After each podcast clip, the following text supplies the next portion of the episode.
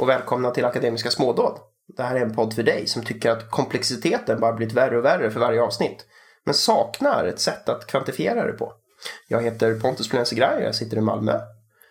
Och jag heter Kristoffer Sundberg och sitter i Lödöse. Jag heter William Hedley Thomson och sitter i Göteborg.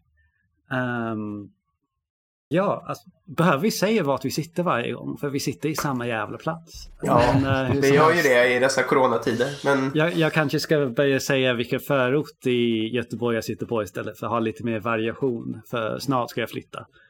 Alltså jag, jag fattar aldrig varför vi egentligen skulle säga var vi satt. Men det var väl någon slags kvarvara från eh, eh filosofiska smådåd. Moderspodcasten till eh, akademiska smådåd. Där ni alltid sa var ni satt. Men varför gjorde vi det där? Alltså jag... Jag, jag tror det är för att Simon tyckte om en filosofisk podcast i USA. Och de gjorde det. Så vi snodde det. Tror jag.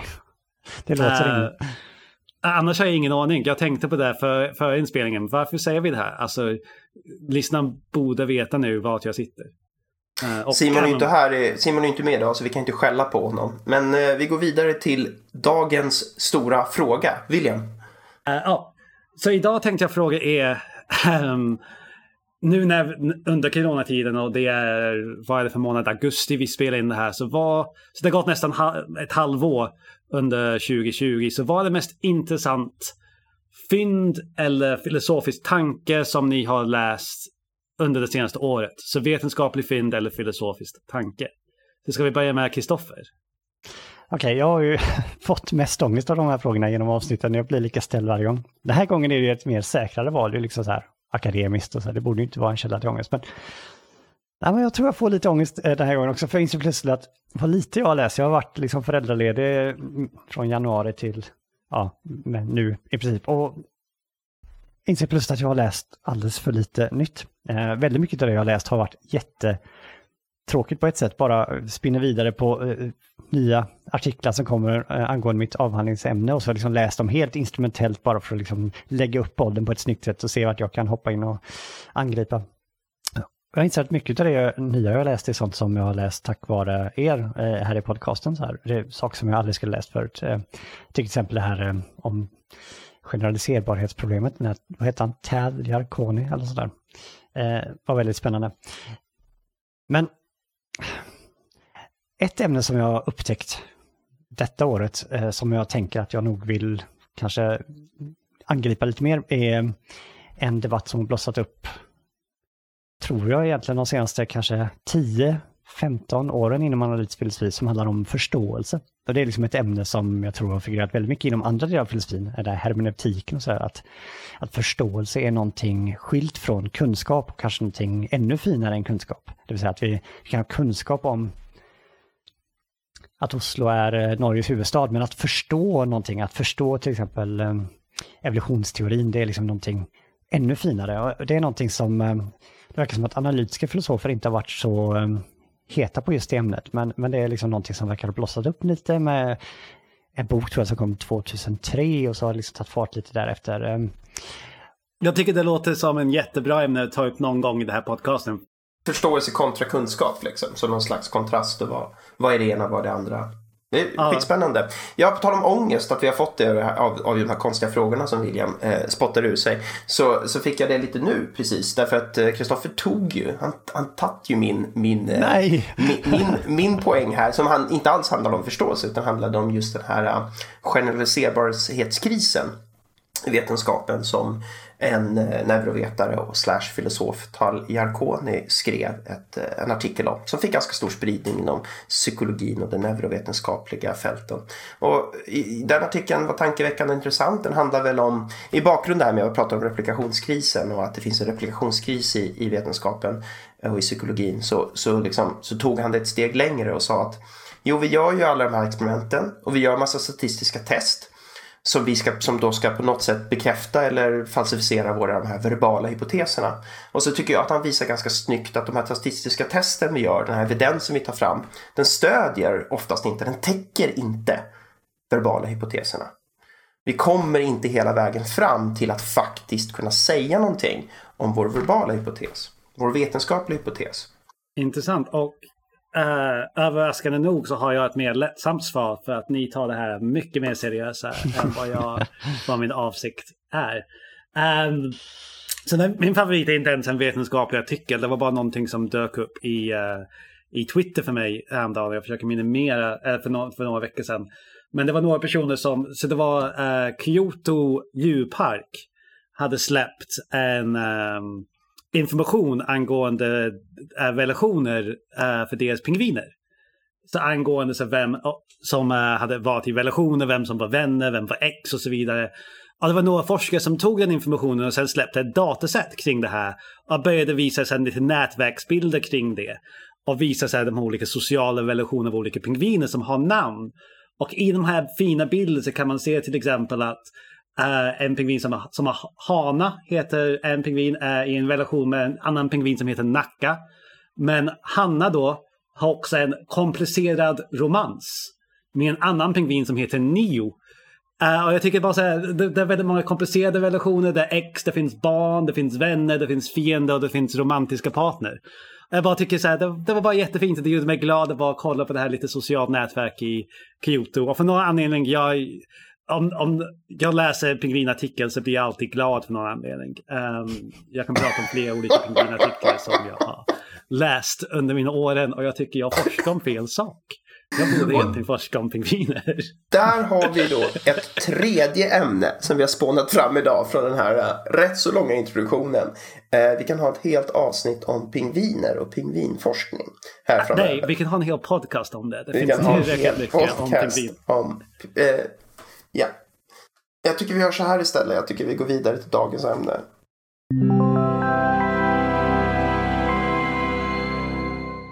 Dagens ämne är läsbarhet inom eh, akademiska skrifter, som jag har förstått saken rätt. Och vi eh, har ju ofta ganska ödmjuka eh, anspråk. Vi är inte experter på det vi pratar om och vi eh, improviserar och, eh, och, och låtsas eh, kunna mer än vad vi egentligen kan. Men eh, som jag har förstått det så idag så råkar vi ha två världsledande experter på ämnet.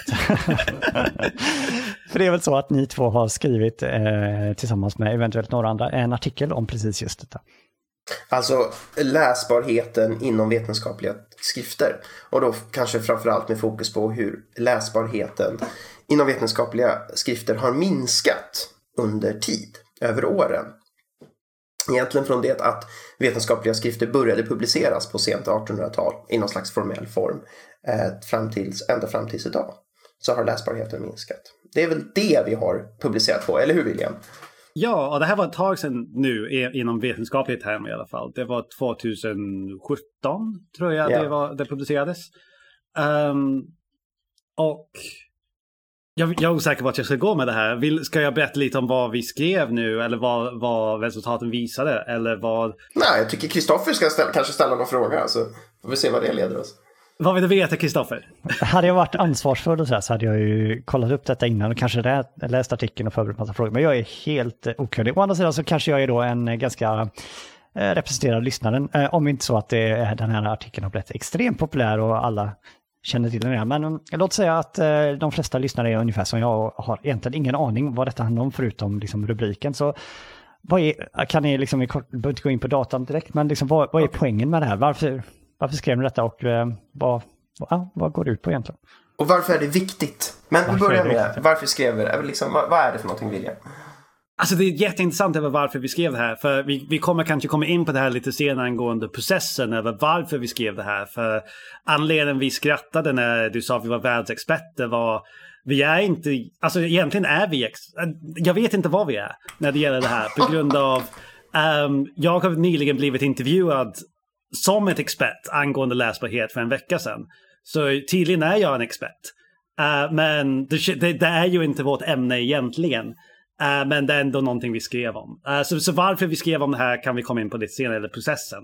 Men det började med en, en lite mindre seriös fråga en gång. Vi hade en uh, journal club tillsammans. Och det här är inte riktigt med processen, men hur vi kom in på den här frågan överlag. Var, för det var inte att vi, hade, vi tänkte att det var ett seriöst problem inom vetenskap först. Utan vi insåg det var ett seriöst problem inom vetenskap lite senare. Och jag tycker det kanske visar med den här ekologiska processen som kan ske inom vetenskap ibland. Att och William, när du säger vad, vad är det som är ett seriöst problem i vetenskap? Alltså att läsbarheten är svår. Det är jävligt svårt att läsa en akademisk text, ja, en vetenskaplig text. Um, ja, ja, ja, jag kommer till det, kommer till det snart. Men, um, och problemet är att det blir mindre tillgängligt att läsa vetenskaplig text. Det blir svårare att läsa. Det är vad vi hittade. Men hur vi kom dit var lite mer skämtsamt kanske. Att vi började med att vi insåg vi kunde ladda ner väldigt mycket texter uh, från internet och abstrakt. Och vi undrade om en viss forskare hade blivit svårare att läsa med tid. Vi läste väldigt mycket av hennes texter. Vi tyckte, vi undrade om den här personen var alltid uh, så här svårt att läsa. Så vi insåg att vi kunde kvantifiera det här. Och hur kvantifierar man läsbarhet? Jo, det finns ett par olika mått som föreslogs, framförallt på 50, 60, 70-talet. Där man ungefär försöker kolla på till exempel hur många ord på meningar och hur många uh, stavelser på ord till exempel. Och det finns ett par olika sätt man kan kvantifiera det här på. Och vi, visar, vi, ja, vi, vi var nyfikna om hur den här personen uh, såg ut. Men vi insåg ganska snabbt efter, jag minns inte ens svaret på det där. Jag trodde, jag trodde det var lite komplext svar, det var inte självklart. Men vi insåg, vi kan ladda ner hela tidskrifter lika snabbt som en person. Så då började vi utveckla en hel forskningsfråga kring det här som blev blir vetenskap överlag svårare och svårare att läsa? För det var ändå vår intuition att det har blivit svårare. Och eh, så då skapade vi ett mycket större projekt där vi laddade ner fler hundratusentals vetenskapliga sammanfattningar. Och även hela texter, några lite färre. Och eh, visade en väldigt stark trend att det blir svårare och svårare att läsa de här vetenskapliga abstrakt. Så. Jag tror vi började att ladda ner tidskrifter egentligen för över hundra år sedan. Men det mesta började väl egentligen publiceras i stor massa på 60-talet. Så från 60-talet har vi riktigt mycket, mycket data varje, varje år, varje årtionde. Och så gjorde vi liksom en systematisk klassificering inom 12 olika fält tror jag att det var. Och 120 någonting. 120-140 någonting olika vetenskapliga tidskrifter som har varit med sedan 60-talet, som har varit med så lång, pass lång tid tillbaka. Inte, vissa kun... började lite senare tror jag. Alltså alla så, började inte visst 1960. 19... Så kan det vara. Ja. Men oavsett vad så var trenden väldigt, väldigt tydlig och jag tror att det var tydligt att inom alla de här 12 fälten då, och det var massa vetenskapliga grenar från ekologi till neurovetenskap till mikrobiologi och, och sådana saker. Var det några eh, humanistiska ämnen? Nej, jag tror... Jo, det var visst det. Det var någon slags, slags slasktrattsämne var med. Jag tror visst att humanism ingick. Vi hade social vetens... alltså social sciences. Men det var väldigt mycket av de mer, vetens... alltså mer naturvetenskapliga av de socialvetenskapliga. Så jag tror... Um... Fokus på empirisk, empirisk ja. forskning fortfarande. Så där, saker som till exempel vårdvetenskap och sånt där, det ingick där minns jag. Yes. Um, så det var inte ren filosofi, det fick vi aldrig ner. Jag har däremot gjort filosofi någon gång senare, men sen orkade jag inte göra klart projektet. Men jag laddade ner hela Phil Papers en mm. gång, uh, för skojs skull. Okej, men vad var det vi egentligen hittade då? då? Jo, men vi hittade just det kanske som William sa. Att sen 60-talet så har det blivit fler ord per meningar. Vilket är ju kanske ett väldigt så här, rudimentärt och basalt mått på svårighetsgrad. Men väldigt långa meningar är ju generellt, liksom, om det är många långa meningar kan det ju bli svårare att läsa. Det är fler stavelser per ord generellt. Och sen är det också något mått som, som går ut på att det är fler komplicerade ord med i de här vetenskapliga texterna, den vetenskapliga sammanfattningen. Och vad menar vi med mer komplicerade ord? Jo, då har man ju upprättat en ordlista på 3000 vanligt och enkelt förekommande ord inom det engelska språket. Och om en text innehåller få av dessa vanligt förekommande ord och många, många fler ord som inte är med på den här enkla ordlistan, ja då är det ju enligt den här definitionen då ganska komplicerade ord då, som, som, man liksom, som man bytt ut istället. Och det kunde vi också då se att det, de här vanliga orden minskade i frekvens och ord som inte var med på den här enkla ordlistan ökade i frekvens. Alltså kan man då dra slutsatsen mer komplexa eller svårare ord över tid. Inom de här fälten, inom de här tidskrifterna, överlag. Och det här var en stark trend. Det var väl kanske det som var det mest slående och som vi blev lite skrämda av i början att vi hade gjort något fel och vi började dubbelchecka och trippelchecka och fippelchecka oss själva. Men det var en väldigt, väldigt, väldigt stark trend eh, över, över åren. Um, ja, då, då kan jag fortsätta lite berätta om det här, vad vi gjorde i den här artikeln då. För då nästa sak är men varför sker det här? Eller vad beror det här på? Eller, uh, uh, och, och, och, vi kollar upp ett par olika förklaringar um, som har hänt under, under, under åren. Och vi egentligen kollade upp två olika saker. Uh, det första visade sig vara ett, ett fynd för sig själv som inte förklarade någonting. Och det var att om det finns fler antal författare i en tidskrift då är det svårare att läsa. Då blir det, ännu, då blir det också mer komplext. Men det förklarade inte trenden. Trenden fanns oavsett hur många författare fanns. Så det var inte bara för att det finns fler, 3, 4, 5, 6, 7, 8, 9, 10 författare och de bråkar om, varje, om, om olika meningar och meningar blir alldeles för komplexa och för långa. Utan det, det hände även när det finns bara en eller två författare. Och, eh... Ja, men det, alltså, exakt. Så det var ju så att ju fler författare man hade på ett papper, på en artikel, desto, desto svårare var den att läsa. Men det förklarade då inte hela den här trenden, utan även om man kontrollerade för antalet medförfattare så att säga, eller tittade som William sa bara på några få papp, eh, några så här, eh, artiklar där få eh, personer varit med, så fanns den här trenden kvar då. då. Så det var lite så... av ett extra fynd vi fick som är också väldigt intressant. Mm. Vad var det vi sa? Jag vet inte om det finns en bra översättning. Men vi sa på engelska i alla fall. Too many chefs spoil the broth. Uh, jag kan inte alls komma på en bra svensk översättning på det ordspråket.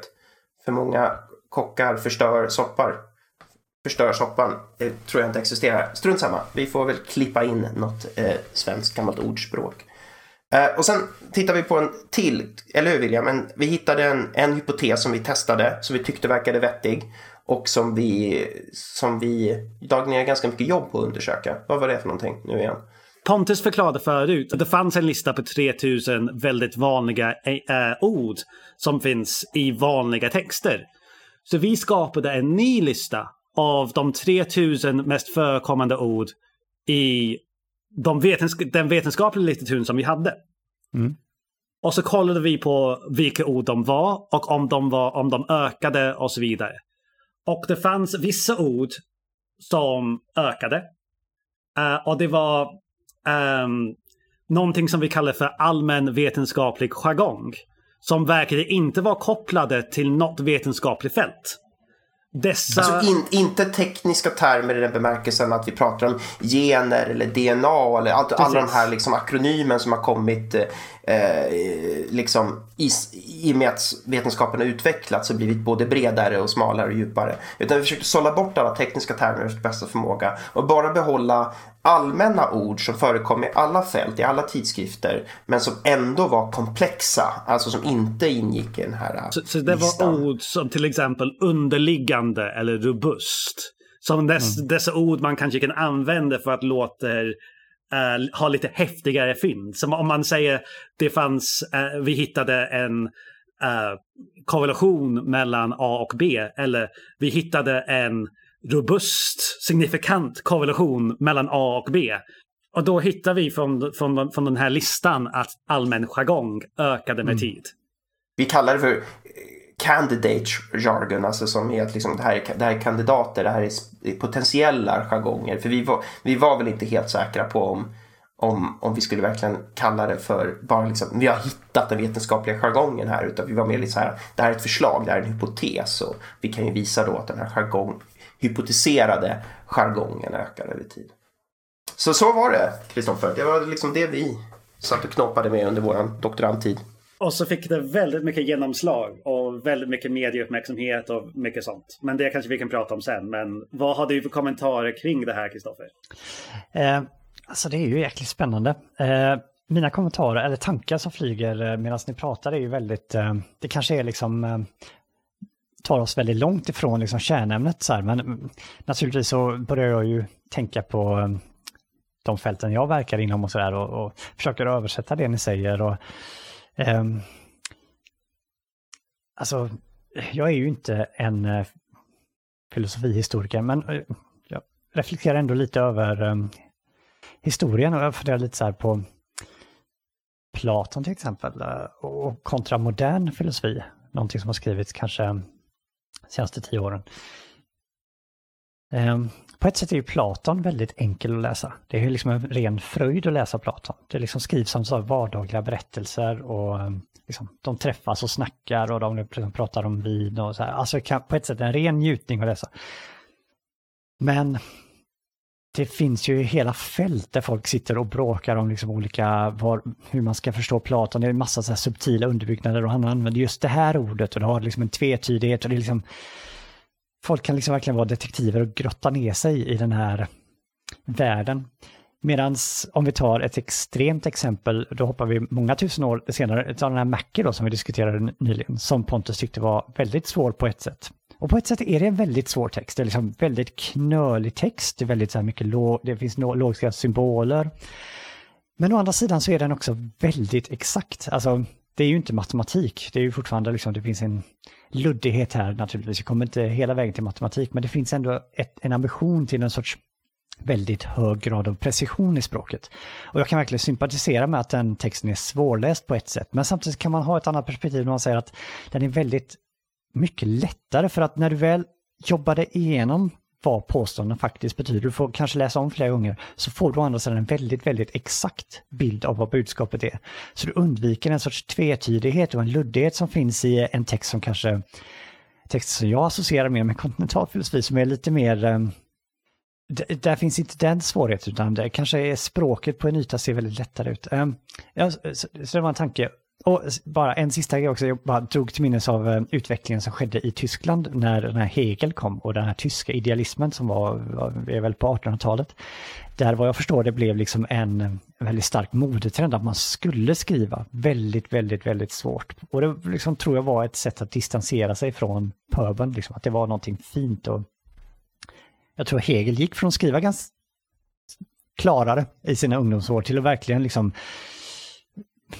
det blev liksom en jargong där som verkligen var extremt svår. Och, och, och det, det, men den utvecklingen liksom sen tillbaka så kanske är det så här att det går vågor. Förlåt, nu tog vi oss lite långt därifrån men eh, ja. Nej, jag, jag tyckte det var jättebra och jag tyckte vi kan komma in på det alldeles strax. Men först vill jag um, svara på din första sak du sa för det var så ett vanligt uh, svar folk sa, men såklart fält har blivit mer nischad, man skapar längre ord för nya termer.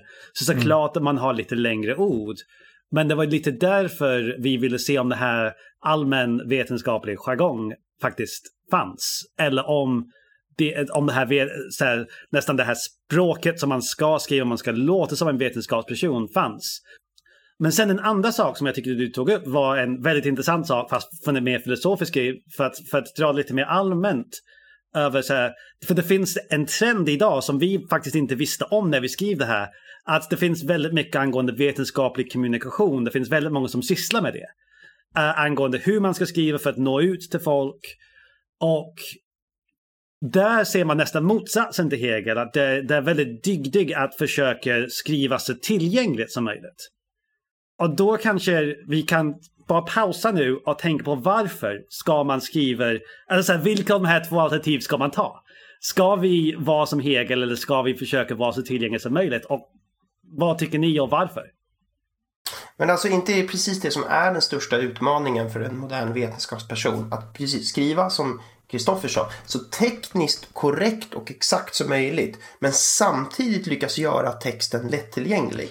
Då anser jag att man har lyckats eh, eh, genom att kommunicera sin vetenskap till andra vetenskapare och kanske också till allmänheten eller till journalister som ska förmedla det till allmänheten. Har man lyckats med de två, alltså vara korrekt och exakt och sett till att det faktiskt liksom inte finns så mycket tvetydigheter och flum och utrymme för subjektiv tolkning och så. Men ändå göra det på ett enkelt och lättillgängligt sätt. Då ska man ju få guldmedalj. Och jag tror väl att de två behöver inte stå Alltså, de behöver inte stå i kontrast till varandra, men det är jävligt svårt att förena dem. Och det är väl lite det jag tror att den här artikeln som jag och William, vi kanske ska också bara nämna snabbt att de två andra medförfattarna är eh, Gravel Matheson och Björn Schiffler.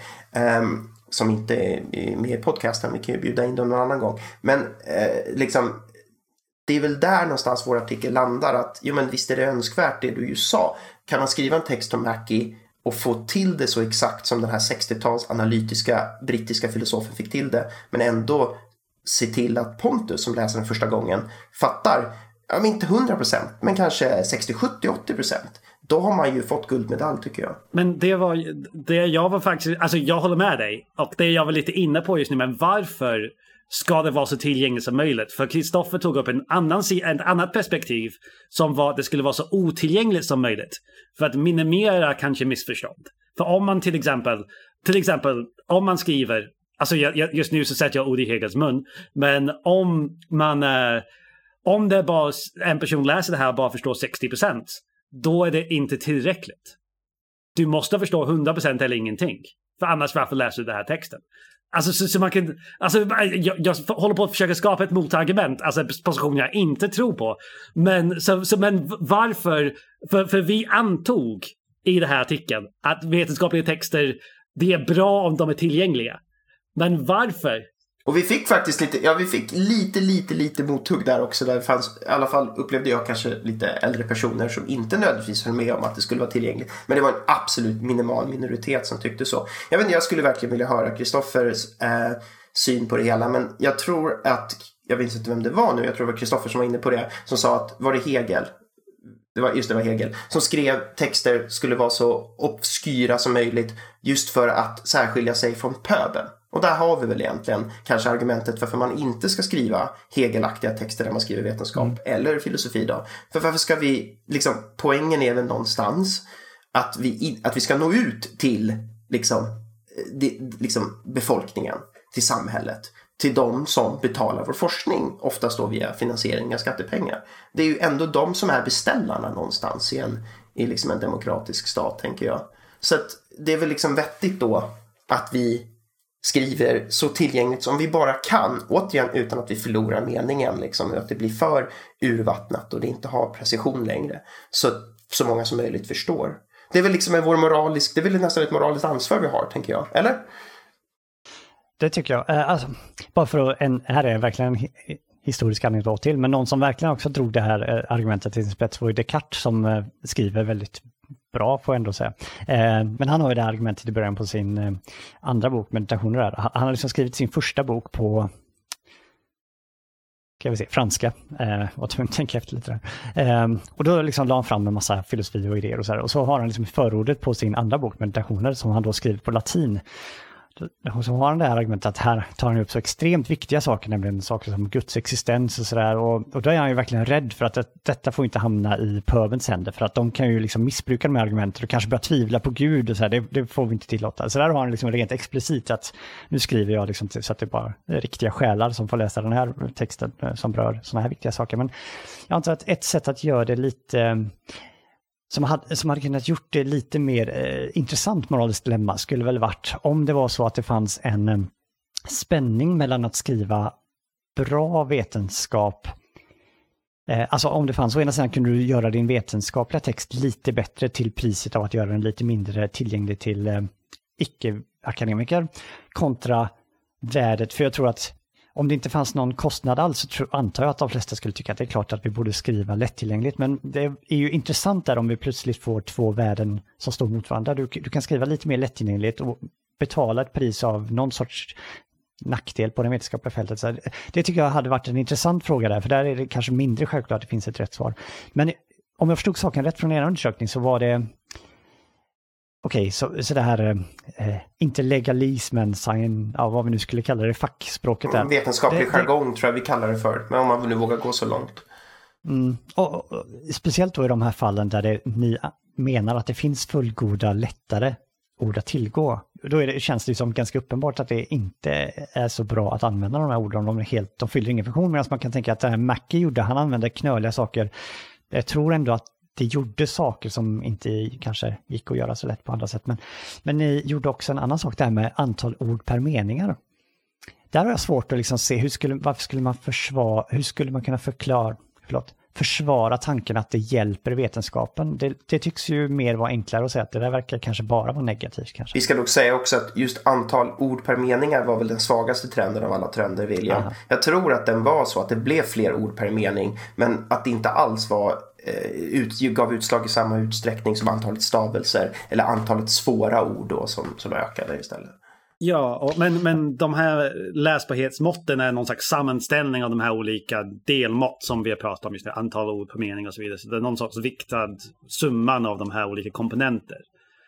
Um, men för att snabbt spola tillbaka till det du sa nu, Kristoffer. Alltså jag, först, jag håller med, alltså varje gång jag blev intervjuad angående det här så jag alltid sa målet är att maximera hur många människor kan ha tillgång till texten givet ämnet. För vetenskap är svårt och vi kan inte förvänta oss att alla människor kommer förstå varje artikel. Men någonting mm. som jag lärde mig av det här väldigt tydligt, alltså i den vetenskapliga processen, jag antar, alltså jag tror det är en akademisk grej, det är ganska stressigt ibland. Man har väldigt mycket att göra, man har väldigt många deadlines, det finns väldigt mycket uh, göra för att kunna klara sig.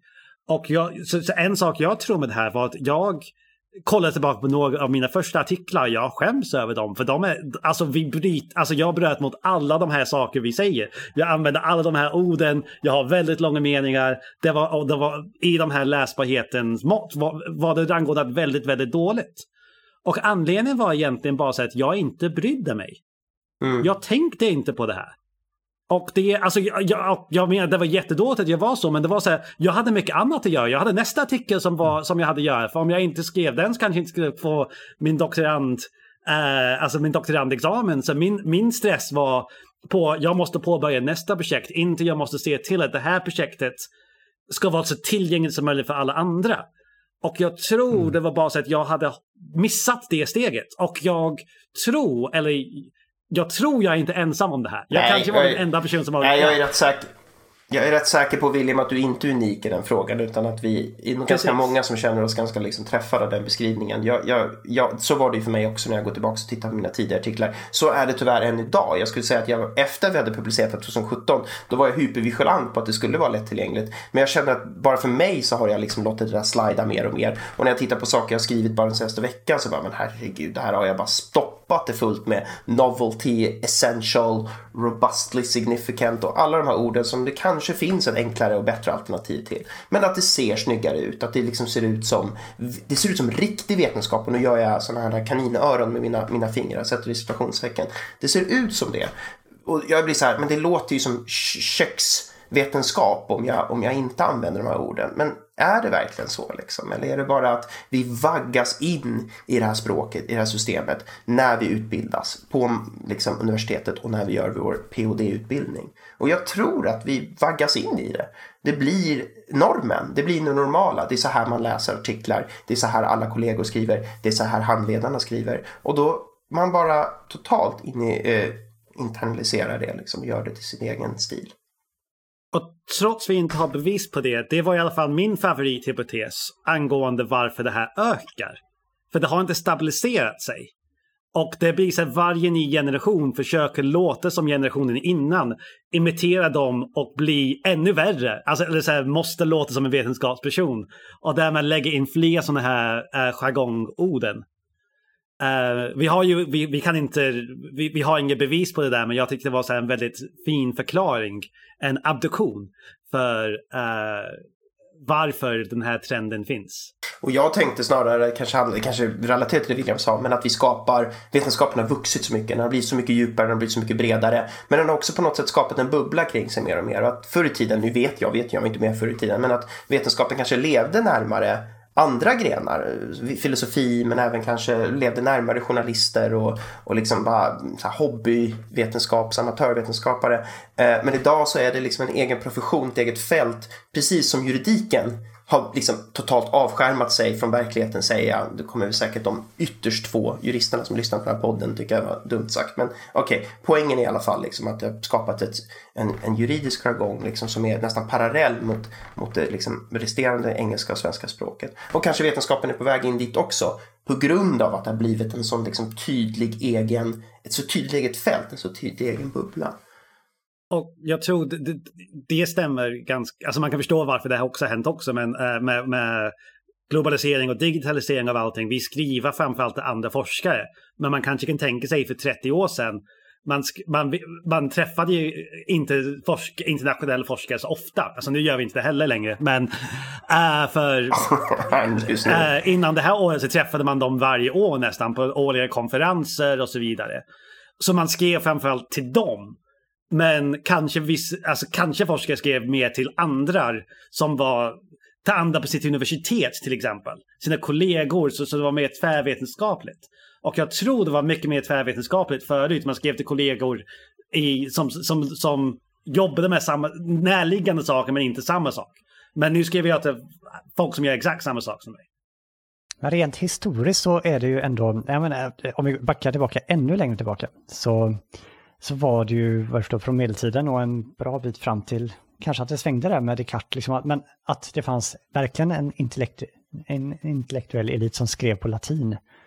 Så resten av folket var ju helt totalt utestängda. Så det var ju liksom en jätterevolution i termer av läsbarhet när jag, jag, vågar jag tror Descartes var väldigt tidig med att skriva på fransk, franska, Locke var väldigt tidig på att skriva på engelska. Det, det skedde liksom verkligen där och då, 16, 17. Dante som skrev på italienska var också väldigt stort. Ja. Men, men, där kan man ju verkligen, där var det liksom en revolution åt andra hållet. Att det snarare blev plötsligt tillgängligt till, alltså eliten hade verkligen bokstavligen liksom ett eget språk som bara de Eh, hade tillgång till.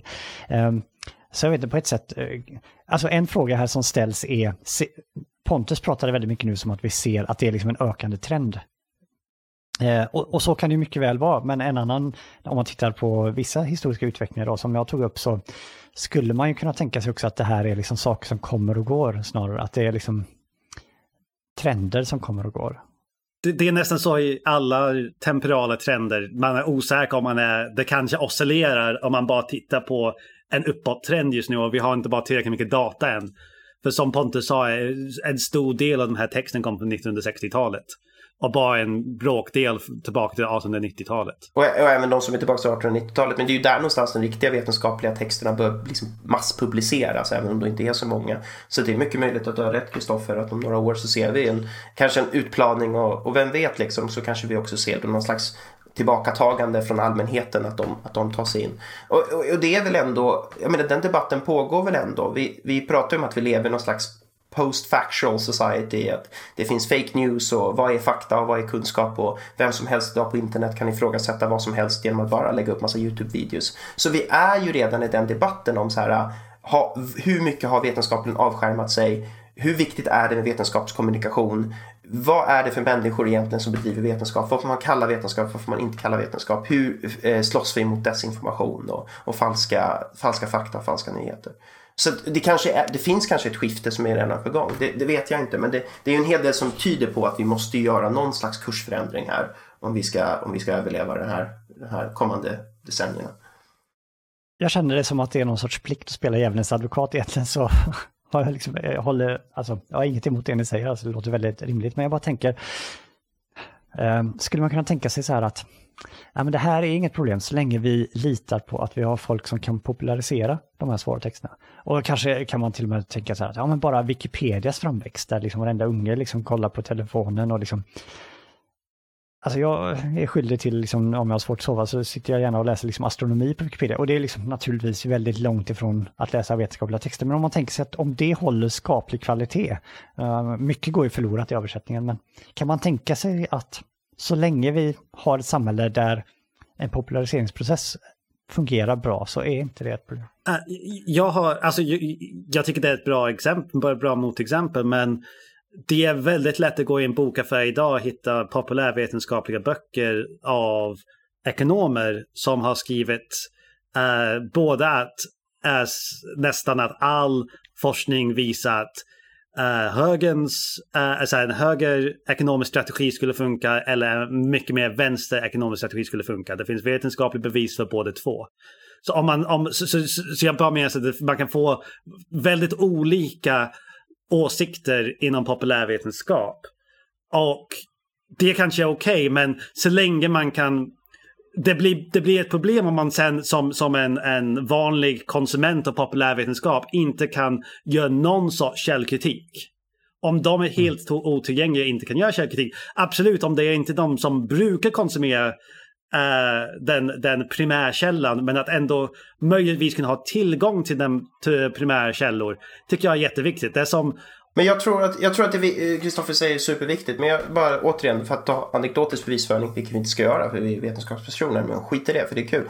Eh, det, det som liksom, jag tror de som uppmärksammade till viss del, som gav väldigt mycket uppmärksamhet till vår, vårt fynd och vår artikel och det här blev ju lite stort på Twitter och, och även i massmedia och vetenskaplig media. Det var ju vetenskapskommunikatörer som var så här, tack snälla vi har pratat om det här så länge. Vi får det svårare och svårare att liksom förstå vad, vad fasiken som sägs egentligen. Och jag tror dess, dessutom så var väl vår editor, han som liksom skötte om hela den här processen i, i tidskriften, han var väl i sig en vetenskapskommunikatör och tyckte att det här var väldigt intressant och hade liksom mycket liksom personlig input och feedback på liksom sina egna tankar och sådär. Återigen, anek anekdotiskt står det Pontus tittar på vad folk skriver på Twitter och tänker sig att han kan läsa ut något mönster från det. Det kanske är dumt, men jag tror jag fick känslan av att vetenskapskommunikatörer nog tyckte att det här var högintressant just på grund av problemet vi lyfte. Alltså mm, det är svårare för dem att göra sitt jobb och kanske också svårare för dem då som är, alltså de som skriver, översätter vetenskapen till Wikipedia. Man får ju anse att de är kommunikatörerna liksom. Jag bara tänkte på att det här är en fråga som är så här, nästan dum reporter. Och jag, svaret har jag i princip sagt, men jag, kan, jag känner någon sorts plikt att ställa frågan då. Bara för att ha det explicit. Men vad, ska vi säga rent explicit, vad är problemet med om folk inte kan läsa vetenskap? Vad är det vi är rädda för? Det är två möjliga dåliga problem. Det ena är inom, inom akademiska texter. Till exempel om de blir alldeles för tekniska så blir alldeles för nischade, som är en möjlig förklaring bakom vissa av resultaten då kan det vara svårare för tvärvetenskap. Uh, för jag bråkar med samma problem inom mitt fält som uh, vissa saker som, som jobbar med sociala nätverk i uh, sociologi eller statsvetenskap. Eh, så, så, jag, så, så tvärvetenskap är väldigt viktigt på grund av till exempel så att man kan förstå varandra. Så om, om man har sin egen terminologi bakom saker så, och det har förekommit till exempel så här, i mitt fält nätverksteori på grund av 1950. Det var typ två helt oberoende fält som håller, som håller på med de här och inte pratar med varandra.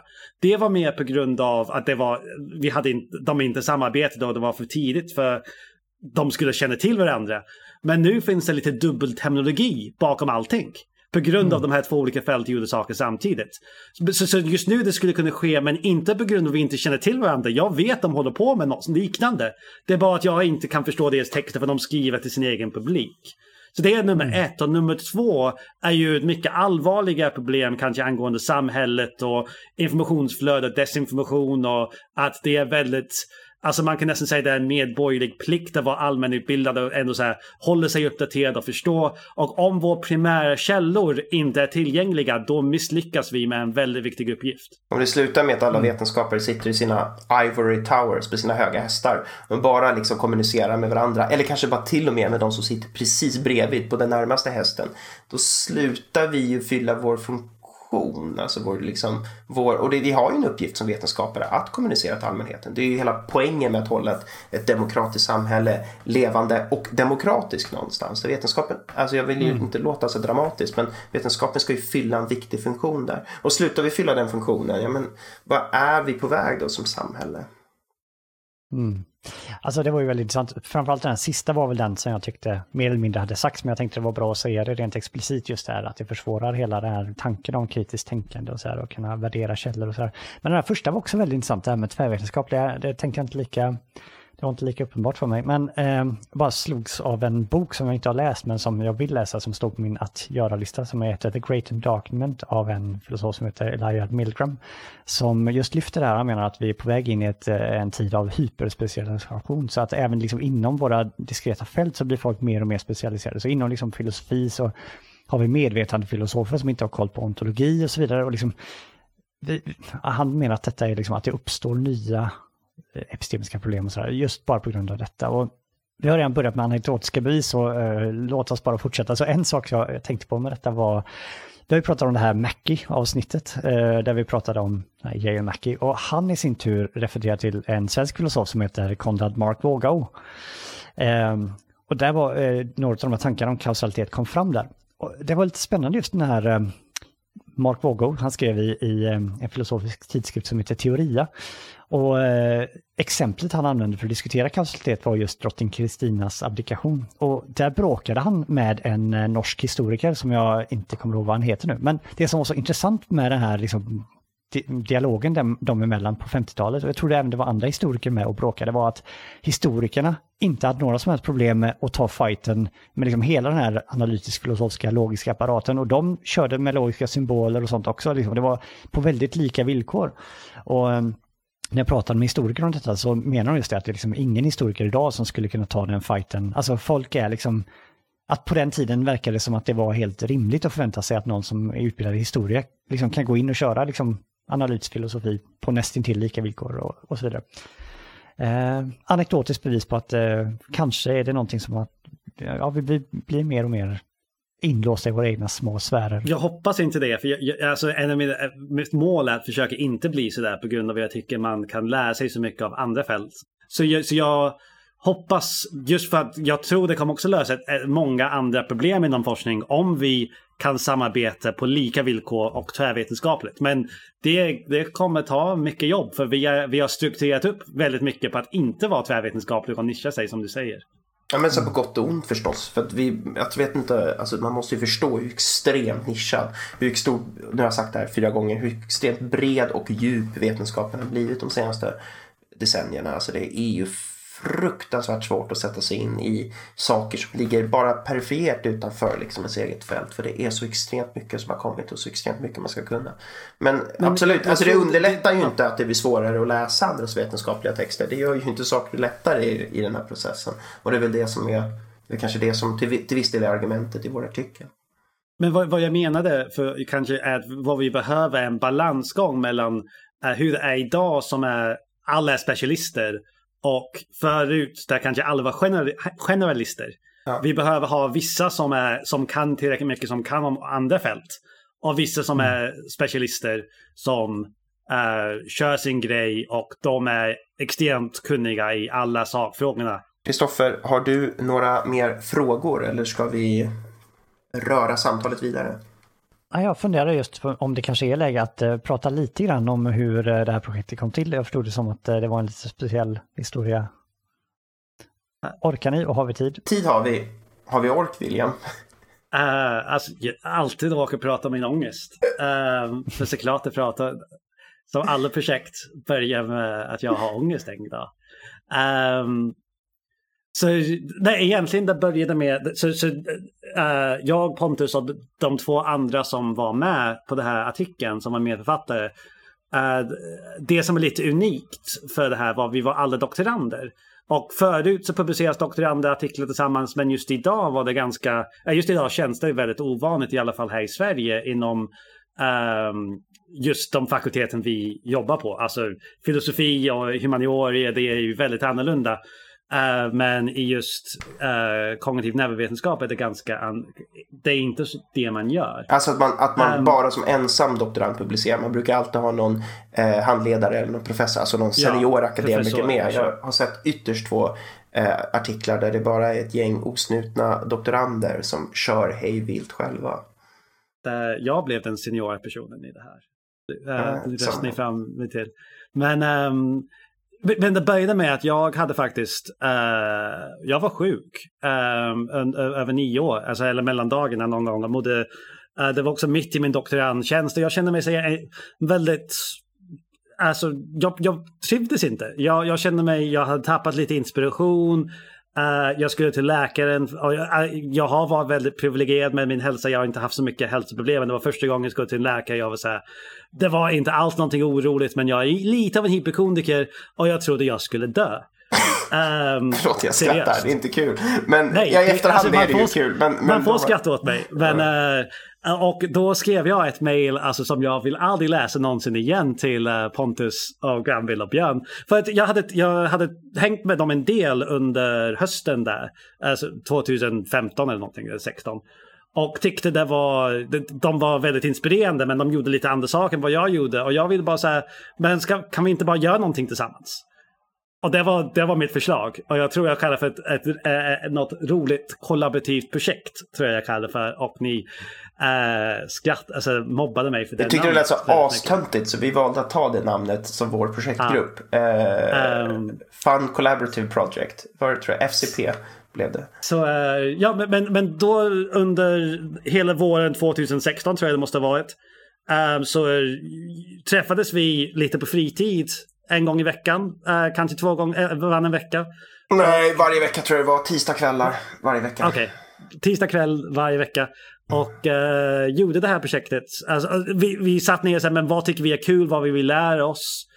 Och så, uh, in, så, så växte det här programmet, äh, det här um, uh, frågan lite naturligt som jag sa. Vi började med bara så brainstormar.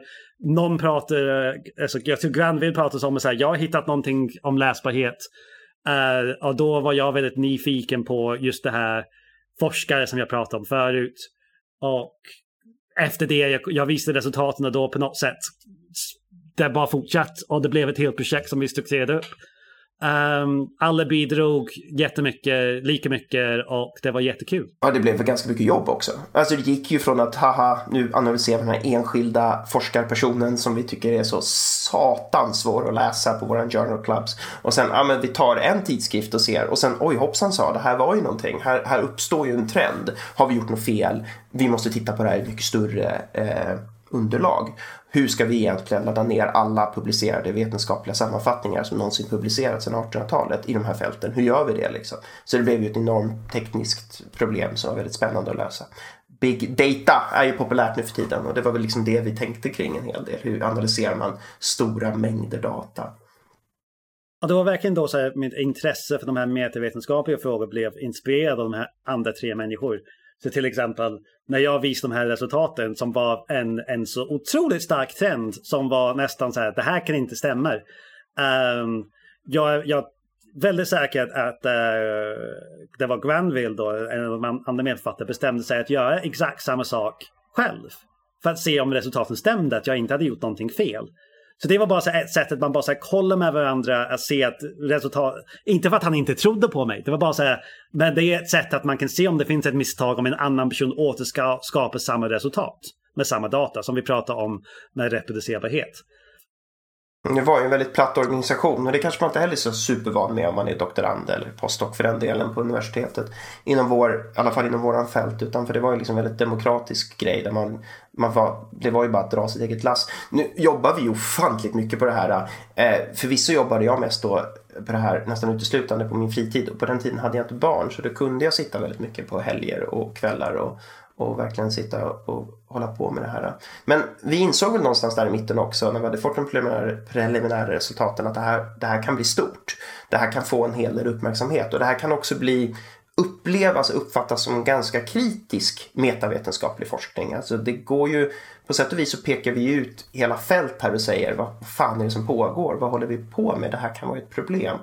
Så det bör, blev ju också någonstans där i mitten tror jag vi började få tankar om att oj, det här är kontroversiellt. Och vi har ingen professor med, vi har ingen seniorforskare med här som på något sätt kan gå i god för det här, kan gå i borgen för det här, kan ta, kan ta, kan ta liksom en sköld mot skiten när den börjar flyga från fläkten. Och, och vi var också på avdelningen för klinisk neurovetenskap och skriva om språk. Alltså vem fan var vi att säga det här? Alltså vi hade lite sådana här tankar också. Ja, det är väldigt mycket kriser som vi gick igenom. Men eh, jag vet inte. Egentligen. Jag bara skapade mer ångest som jag sagt. Skapade ännu mer ångest, det var projektet. Men det eh, slutar ju liksom, det slutar ju ganska gott någonstans. Vi fick ju, vi, vi, vi var ju det slutade väl egentligen med att vi var tvungna att gå till prefekten och be om tillåtelse. Liksom. Kan vi, liksom, vi, vi tänker publicera det här, kan vi göra det under KIs namn eller ska vi gå ut som privatpersoner? Och den prefekten var väldigt stöttande och sa att han tyckte det lät riktigt fett helt enkelt. Och det är klart att han, han han backade det här. Så att då drog vi ut det här. Och det, alltså jag, vi får nog ändå anse, utan att för mycket självförhävdelse, att det här exploderade på, på Twitter. Så mycket en vetenskaplig artikel nu kan explodera liksom. Och gick alltså, väl viral inom det vetenskapliga samfundet. Inte bara på Twitter. Alltså det blev väldigt mycket populärvetenskapliga nyheter skrevs om det. Uh, jag, blev inte, jag vet inte många gånger, jag blev intervjuad på SR, BBC, uh, eh, The Guardian Uh, Nature News skrev om det här. Forbes skrev om det här. Uh, det var jävla mycket. Norska Aftonposten tror jag skrev om det här. Och till slut, ett, jag tror nio månader eller tolv månader senare så, så vaknade svensk media till liv och SvD gjorde en artikel kring det också. Alldeles. Så, så jag var på Sveriges Radio typ, där, typ så fort det publicerades. Ah, Okej, okay. så kanske det var. Så jag insåg ju någonstans här under min doktorandtid att här pikar nog min eh, fame. Här, här fick jag nog mina 15 minuter i rampljuset och så här mycket uppmärksamhet kommer jag nog aldrig få för en artikel eh, någonsin i mitt liv. Och liksom i det jag publicerar i mitt riktiga fält inom situationstecken, vad det, nu, vad det nu är för någonting. Så det var ju också en ganska ångestfylld upplevelse att så här, här, sitter jag inte ens doktorerad och har just haft liksom den, den absolut bästa artikeln i den bemärkelsen att den har fått mest genomslagskraft. Uh, en, en sist, alltså, och det som hände med till exempel de här journalister som intervjuade mig, de har, det, det har kommit en ganska ny artikel i samma tidskrift angående vetenskapliga texter, ganska ny angående akronymer. Um, som är väldigt intressant, de håller på att öka och sånt, det behöver vi inte prata om. Men uh, jag blev intervjuad av, no av en av de här tidskrifterna som utomstående expert om språk, alltså för två veckor sedan. Uh, på grund av den här personen intervjuade mig tillbaka i 2017 och tyckte jag verkade rimlig tydligen. Um, så uh, det var ganska kul. Det ska, hamna, det ska komma upp i Nature snart tror jag. Alltså, jag vet inte om man ska använda någonting jag sa, men uh, jag blev intervjuad i alla fall. Alltså det är svårt när det bara är ett enda fall. Det kan ju vara så att ni hade, att ni var, just ni individer var extremt begåvade. Uh, och det kan ju också ha funnits lite tur, men vågar vi vilt spekulera om att det här kanske är någonting som eventuellt skulle kunna vara en lyckad sak att, ja, att fler borde göra så här. Just det här att det är unga personer som inte är, låt säga, jag hittar inget bättre ord, indoktrinerade är liksom fel ord, men jag hittar inget bättre så låt säga det, inkörda i liksom systemet. Eh, och just det här att det är en plattare organisation, att det inte är liksom en, en, någon som har väldigt tungt. Inte minst just för de här metavetenskapliga, att få syn på saker som andra liksom redan växt in i och liksom det kanske blir osynligt så vågar man kanske spekulera lite att det här kanske är någonting vi kan uppmuntra andra doktorander att eh, testa på. Alltså jag skulle påstå att det är helt klart bland de bästa grejerna jag gjort under hela min doktorandtid. Så har man tid och ork att gå ihop med ett gäng kompisar, behöver ju då inte vara exakt samma fält, men liksom några man trivs med rent vetenskapligt och privat också för den delen. Och kan hitta på något projekt. Det behöver inte sluta med en publikation. Det behöver inte, liksom, det behöver inte handla om det, men det kan sluta med en publikation och kanske till och med flera. Så skulle jag garanterat uppmuntra till att göra det. Jag tror jag lärde mig väldigt mycket som jag hade nytta av liksom, i min senare forskning, trots att det inte hade någonting med mitt fält att göra. Eh, men, men, men jag ska inte liksom, jag vet att många doktorander redan är stressade nog med det arbetet de har. Som liksom, och här kommer vi och säger, men herregud, ta varje tisdag kväll och sitt och drick lite öl och ät lite pizza och hitta på ett, liksom, ett projekt och jobba asmycket med det. det. Det är inte möjligt för så många, så många personer att göra. Men då tänker man sig så här, kan det kanske finnas tid för det? Och det här är jättetönt analogi, men jag vet inte, det finns ju vissa stora techbolag i Amerika som har liksom en dag varje medarbetare ska få i veckan där de får sitta och liksom pula med sina egna projekt och göra, liksom, sitta och samarbeta. Och det har de, det är inget krav på att det ska ge någonting och det har ingenting med deras riktiga arbetsuppgifter att göra. Arbetsuppgifter att göra. Och då är väl typ så här nej nu kommer jag göra bort mig, men typ att Google Maps existerar, det är någon slags eh, produkt av att man liksom, att Google lät medarbetarna sitta och leka helt enkelt. Så kanske då på någon institutionalis, liksom på universitetsnivå så ska det bestämmas att, att doktorander ska få göra det här liksom sägs att de stal eh, Google Earth från en av mina favorit science fiction-författare, Neil Stevenson. Ehm, jag tror han blev retroaktivt eh, erkänd. Uh, men jag, jag, håller väldigt mycket med Pontus och, och sa på din fråga, Kristoffer. Alltså jag har fortsatt med det. Så jag har lyckats en till publikation med, när jag har gått med det här platt organisation um, med några postdockor när jag åkte till Stanford. Alltså jag var precis, hade precis publicerat det här med Pontus. Så tänkte jag så här, men jag gör det här igen. Och eh, då fick vi en artikel i samma tidskrift igen som är ganska bra. Ehm, och det var, det, det var inte, vi inte med film, det var med ett åsiktsartikel, men vi ändå tyckte så här, kan vi, vi skrev en åsikt tillsammans. Så det var ändå så här väldigt kul, vi hade väldigt mycket annorlunda bakgrund och kom fram till någonting tillsammans. Det finns även en annan sak där det finns platta organisationer som är ganska populära idag. Inom eh, vissa, oftast tekniska fält som heter hackathons. Uh, och det är när folk samlas oftast bara på en helg och gör någonting tillsammans. Men det, det kan leda till ett större projekt. Men jag tycker att, att införa något sånt lite mer regelbundet kan leda till att man lär sig så sjukt mycket. Alltså, det är det som under hela min do, äh, doktorandutbildning, alltså jag lärde mig så sjukt mycket under den här tiden. Alltså ingenting jämför sig, ingen kurs, inget projekt. Det här var det mesta jag lärde mig och det var på fritiden och det var, ja. Mm. Men med andra doktorander där vi lärde oss. Men, ja, jag tänker också på det här med liksom, vi, liksom, får ju höra då när man, när man är doktorand och framförallt när man slutar vara doktorand och går vid, ska försöka komma vidare upp i den akademiska hierarkin så handlar det så himla mycket om att du ska etablera självständighet, du ska visa dig självständig som forskare, du ska driva din eget forskningsprogram, du ska driva din egen forskningslinje. Och jag tycker att det här var asbra träning inför det. Jag tänker att det är två saker kanske. Eh, den ena saken har ni pratat om väldigt mycket. Dels liksom, det är liksom den här platta organisationen, att lära sig genom att själv göra saker och allt det som det gav. Um, så det låter väldigt rimligt. Eh, jag bara tänkte om det också fanns, kanske att det här är två komplementerande saker, men att det verkar som att ni också gav er in på ett fält som ni kanske inte riktigt var specialister på. Och jag tänker på det här vi pratar om, att alla blir mer och mer specialiserade.